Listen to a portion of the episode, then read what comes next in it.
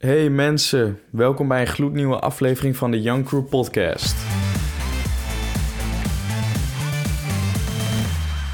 Yes, ik zat vandaag weer achter mijn laptop en ik dacht, we gaan weer een nieuwe aflevering doen over tips en tricks van product research. Wat is product research nou eigenlijk? Even in het kort. Product research op bol.com specifiek is het zelf zoeken en vinden van producten om te verkopen op bol.com. Dit klinkt heel simpel, uh, maar een heleboel mensen struggelen hier echt heel erg mee. Dit is naar mijn zeggen een van de lastigste delen van het beginnen van een bol.com winkel, omdat een heleboel mensen hier echt niet weten wat ze moeten doen. Ze weten niet waar ze moeten kijken, ze weten niet wat ze moeten verkopen. Ze weten niet wat een goed product is.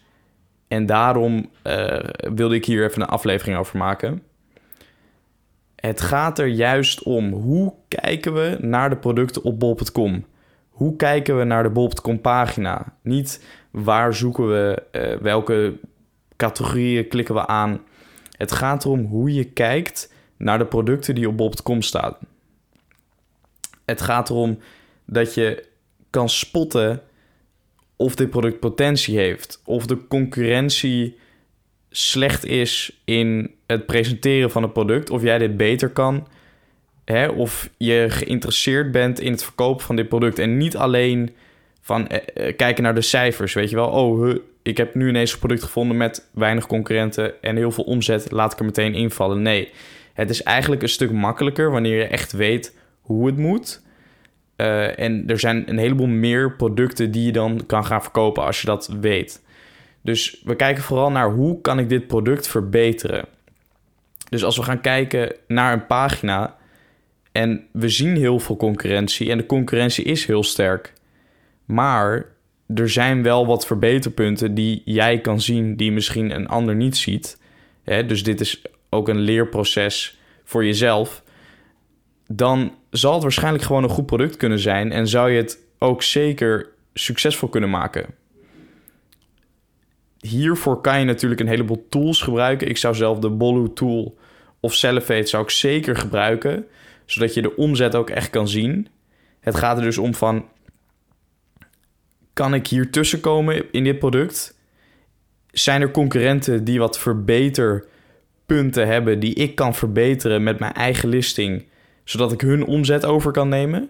Kan ik hier makkelijk op de eerste pagina komen en goed concurreren? Dat zijn eigenlijk de vragen die je jezelf moet stellen. In plaats van, oh, dit product maakt veel winst, weet je wel, ik ga dit verkopen. Of, oh, dit product ziet er leuk uit.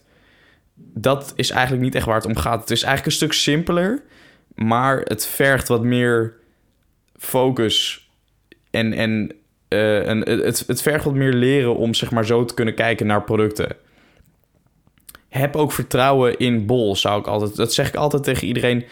Bol.com verkoopt zichzelf eigenlijk. Dat producten op Bol.com moet ik dan eigenlijk zeggen verkopen zichzelf. Als jij, het is eigenlijk een soort spelletje.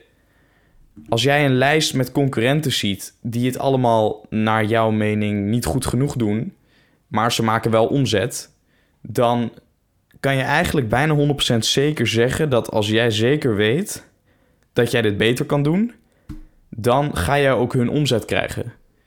Jij gaat omzet maken wanneer jij beter je product kan presenteren dan de concurrenten. Wanneer jij een aantal voordelen hebt ten opzichte van je concurrenten.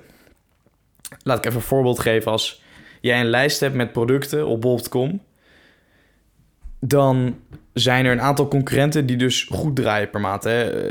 6000 euro per maand, ik zeg maar wat, 4000 per maand. Of zelfs uh, richting de 8000 per maand. Maar die concurrenten hebben geen reviews of slechte reviews. Ze hebben geen add-ons zoals een e-book, een handleiding. Ze hebben geen mooie merknamen in hun titel staan. Hun titel is niet goed. Beschrijving kan uitgebreider of beschrijving is zelfs te saai, een te lange beschrijving. Dat zijn allemaal dingen waar je jezelf op moet trainen. Dat zie je. Boom, deze gaat in mijn lijst. Oké, gaan we verder. Weet je wel, welk product zie ik hier van? Het kan echt een, een, een tussen haakjes verzadigd product zijn. Mensen vertellen altijd over verzadigde producten. Ik zie geen verzadigde producten, want ik zie altijd verbeterpunten. Wanneer een product naar wanneer mensen een product verzadigd noemen, dan zal het waarschijnlijk een product zijn waar heel veel omzet in wordt gemaakt, maar ook heel veel concurrenten in zijn. Maar waarom zou jij niet tussen al die concurrenten een van de top 10 kunnen zijn en daarmee alsnog 6000, 7000, 8000 euro omzet per maand behalen? Hè? Of in het begin zelfs wat minder. Kijk, als jij een beginnend bolverkoper bent, dan kan je met 2.000, 3.000 euro in je eerste maand, tweede maand, kan je al zeg maar tevreden zijn. Dat is al groei. Waarom stap jij niet gewoon in dat product dan? Moet je natuurlijk wel genoeg inkopen om die omzet ook te behalen. Niet dat je uitverkocht raakt. Hè? En net als kwartaal 4, als jij nu al in de zomer een omzet behaalt van 2000 per maand, zal het in kwartaal 4 misschien wel 3, 4, 5000 zijn. Dus dan heb je eigenlijk al een redelijk winner product. Dan kan je al verder. Heb je, heb je er nog twee, dan eh, maak je zo 10k maanden. En zo gaat dat. Inkopen en prestatie. Of ja, inkopen en uh, listing, presentatie eigenlijk. Inkopen en presentatie zijn 80% van je succes. Dat moet ik even uitleggen inkopen en, en je presentatie van je product. Dus hoe duur jij een product inkoopt, welke kwaliteit jij inkoopt, hoe je je product presenteert, op, met je listing, maar ook je reviews, je beschrijving, alles erop en eraan, zijn 80% van je succes. Doe je dit goed, zal je resultaten behalen. Maar doe je dit slechter dan je concurrentie, heeft de klant geen reden om bij jou te kopen ten opzichte van de concurrentie. Jij moet de klant een reden geven. Jij moet zelf zeggen van, zou ik dit kopen? Het maakt niet eens uit wat voor product het is.